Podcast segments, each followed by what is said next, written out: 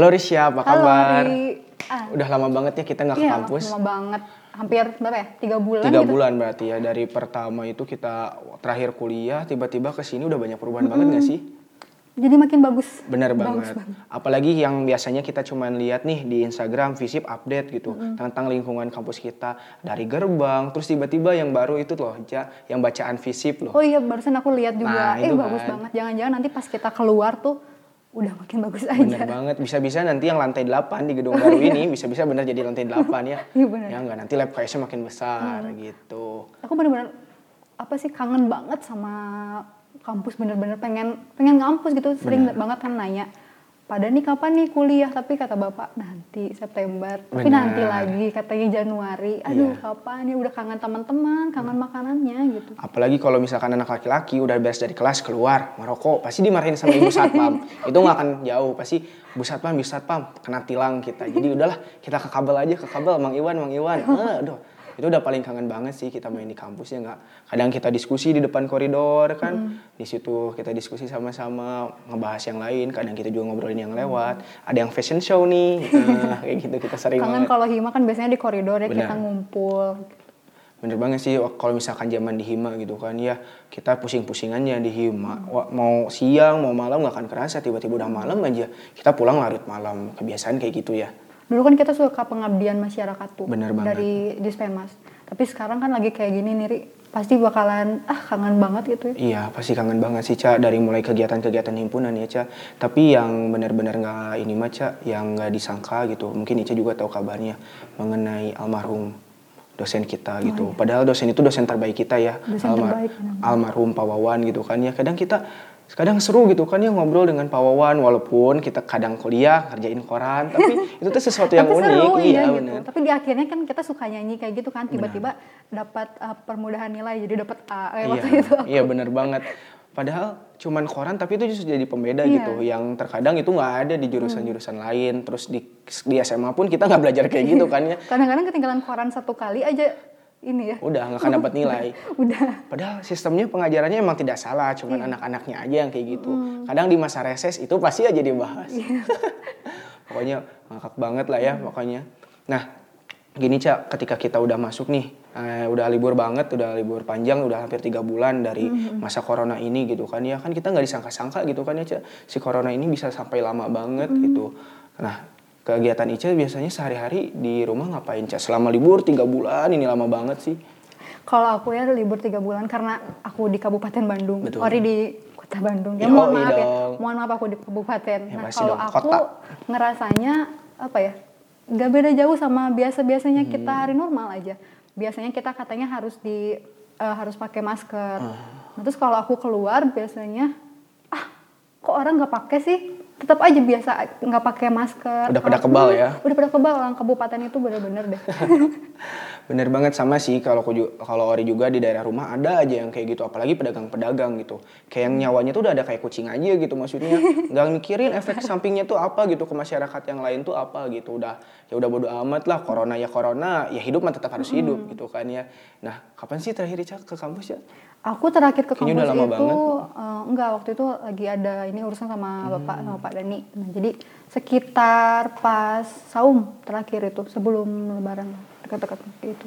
berarti bangunan-bangunan di sini tuh belum pada jadi ya masih pada tahap belum proses tapi ya masih ya masih proses. Tapi si pagar itu emang udah jadi. Oh, udah jadi ya jadi kita ada ininya skatnya ya Hmm, Pas masuk ke sini tuh eh pagarnya udah ganti bagus aja. Ah, udah benar. makin bagus aja nih kampus. Nah, kalau Ori terakhir eh terakhir ke sini tuh waktu mau ada LPJ Anca di Hima Ca.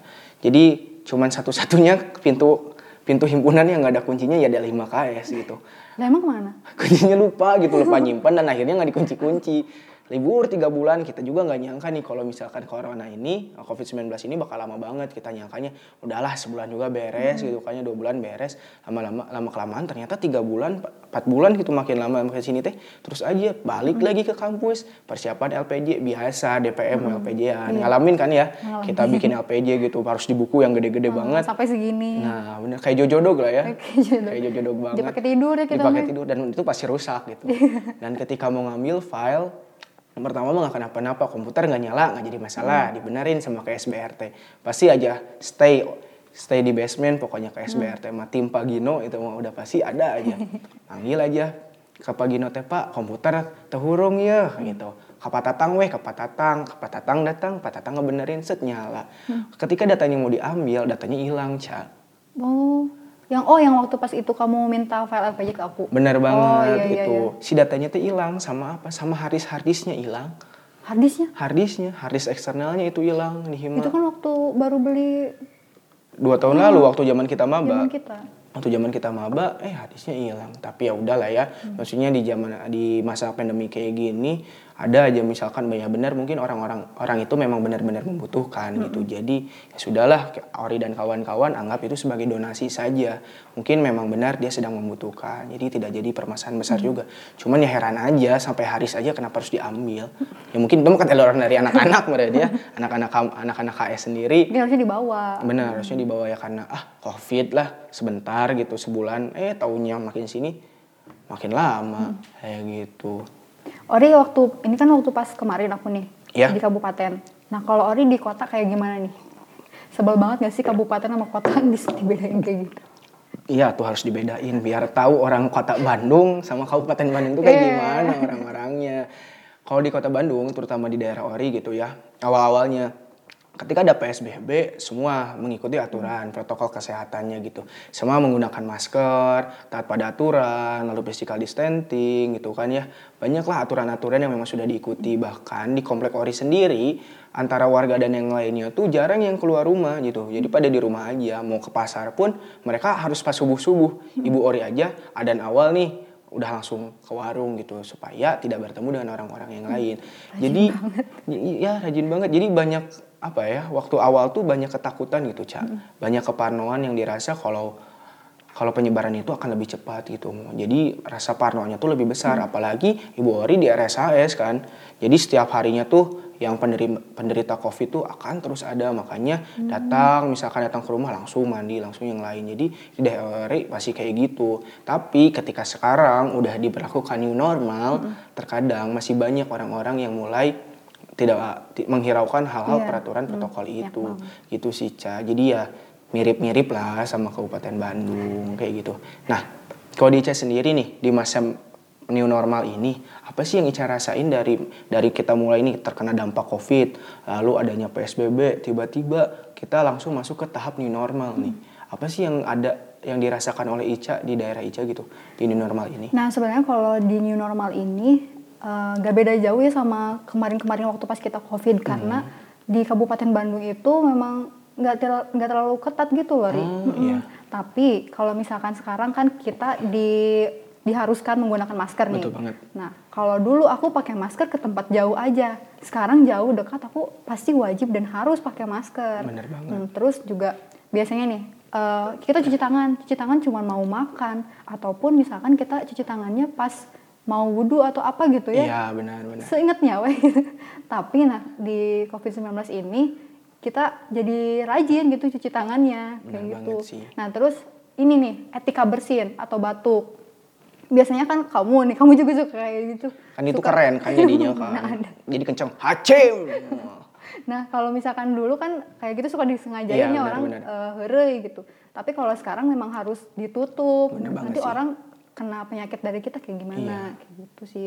Jadi lebih ke kesehatan. benar-benar banget sih Cak ya emang bener banget sih tadi apa yang Ica bilang gitu kan ya Cak sama sih di daerah Ori juga ketika new normal nih ya banyak sih perilaku-perilaku yang tiba-tiba drastis banget gitu kan ya aturan-aturan itu juga protokol kesehatan tetap diikuti. Ya sebenarnya kalau yang dirasakan gitu menurut Ori pribadi kalau protokol itu memang sudah dilakukan dari jauh-jauh hari tanpa ada covid sebenarnya itu sangat manfaat bagi kita gitu Cak terutama dari cuci tangan gitu. Kan yang kita rajin cuci tangan membawa hand sanitizer itu otomatis kita nggak akan nggak akan ada tuh yang namanya penyakit diare benar nggak? Kayak gitu. Lalu misalkan jarak-jarakan nih ya pasti ketika nanti kita berbelanja di mana pun otomatis akan rapi gitu. Jadi tik- jadi jadi ketika misal ketika hal-hal itu sudah dilakukan dari jauh-jauh hari kayak itu sangat menguntungkan juga. Tetapi Cak di normal ini tuh ya menurut Ori bisa dikatakan ya ini adalah tahap kita mas masuk ke tahap normal ya tapi sangat sangat sangat masih panjang. Nah mungkin bukan mungkin sih tapi bagi Ori pribadi bila di normal ini kita bisa sikapi bersama secara bijaksana Nah, new normal ini akan lebih cepat gitu, Cak. Akan lebih cepat masuk ke tahap normal. Karena ketika kita bisa sudah bisa bijaksana menang, menghadapi new normal ini, kita nantinya bisa saling menghargai satu dan yang lainnya gitu. Jadi bukan mengenai permasalahan bahwa saya takut, lalu saya ingin didahulukan, tidak. Justru nanti ketika ada di satu waktu, di satu tempat nih kita berbelanja, kita udah bisa saling menghargai. Jadi orang mana yang harus didahulukan, gitu. Jadi kita akan lebih bisa menghargai orang, kayak gitu sih, Cak. Gini cak kan dari new normal nih ya itu itu sama apa yang kita rasain mungkinnya tidak beda jauh juga.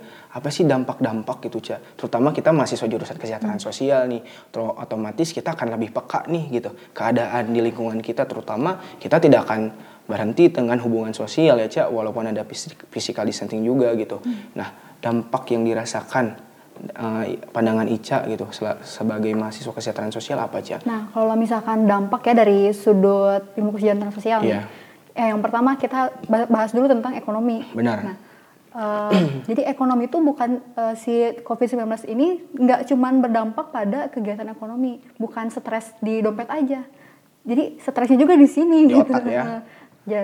Terus dampaknya itu bukan cuma dari ekonomi tapi juga dari psikologisnya sama di sosialnya juga. Nah, kalau di psikologisnya kita jadi ngerasa aduh was-was mau keluar aku takut mau ke sini aku juga takut gitu. Jadi kita tuh uh, lebih banyak stresnya gitu daripada nyantainya. Padahal kan hmm. kan kita libur nih di rumah. Tapi tetap aja kita ngerasa stres. Nah padahal harusnya lah nggak boleh dibawa stres lah kayak Bener gitu.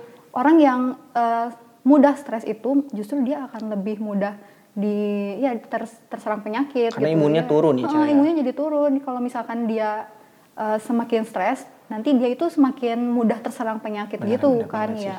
Nah terus juga di dampak selain itu juga ada juga dampak sosial. Nah seperti kemarin kan kita PSBB tuh gak boleh ke mana-mana. Terus juga ada physical distancing, ada uh, work from home, study from home, pokoknya semuanya serba from home. Nah tapi juga nggak cuman uh, dampak negatif doang loh, Ri jadi kita juga bisa lebih dekat sama keluarga. Bener Untungnya banget sih itu. ada hikmahnya. Pasti dalam semua dalam semua ini ya musibah, ya, musibah pasti dibilang. ada, pasti ada hikmahnya. Jadi aku juga kan biasanya kalau misalkan masuk uh, ke kampus nih. Tapi kalau misalkan ke kampus uh, sibuk terus di rumah kan nggak ini nggak sering bertegur sapa sama orang di rumah. Nah tapi kalau misalkan sekarang jadi lebih intens gitu ya sama keluarga-keluarga juga kayak gitu. Bener sih, bener banget itu cak. Apalagi ya apalagi yang tadi gitu kan Ca yang mengenai dampak sosial gitu ya alhamdulillahnya gitu Ca apa yang Ori rasakan gitu ya ketika banyak belajar nih belajar di kampus kita belajar mengenai sosiologi ekologi lalu keadaan-keadaan masyarakat justru satu sisi Ori merasa merasa lebih peka gitu dengan keadaan lingkungan iya. sendiri hmm. terutama dari dampak COVID-19 ya apa yang Ori rasakan terutama Ori juga alhamdulillah bergerak di aksi sosial juga cah di rumah nah bergerak ini juga awalnya sih emang diremehkan juga nih sama warga lah ngapain pemuda bikin hmm. gerakan kayak gini udah ada toh bantuan dari pemerintah hmm. nah tapi kita juga nggak akan berhenti di situ maksudnya karena pemuda hari ini bukan pemuda lagi yang hanya minta dana ke warga hmm. gitu tapi pemuda yang bisa berkontribusi ke warga kayak gitu berkontribusi untuk masyarakat. Nah, jadinya dampak dampak dari COVID ini baik itu sosial, ekonomi dan yang lainnya itu bisa dibantu. Jadi pemerintah setempat berkolaborasi dengan pemuda hmm. untuk menangani permasalahan ini gitu, Ca. Ya contohnya kayak banyaknya kekhawatiran dan ketakutan. Berarti kan di situ satu posisi masyarakat tidak mengetahui cara mencuci tangan, cara pencegahan. Nah, maka dari itu peran dari masyarakat karena Ori basicnya kesejahteraan sosial, yeah. Ori masukkan sedikit-sedikit ilmu kesejahteraan sosial untuk pendekatan seperti apa, yeah. walaupun harus ada jarak gitu kan ya, tapi kita tetap bisa bersosialisasi. Itu adalah hal-hal yang menarik sih gitu ya. Benar tadi di dalam setiap musibah selalu ada hikmah lah yeah. ya. Benar itu sangat setuju sih.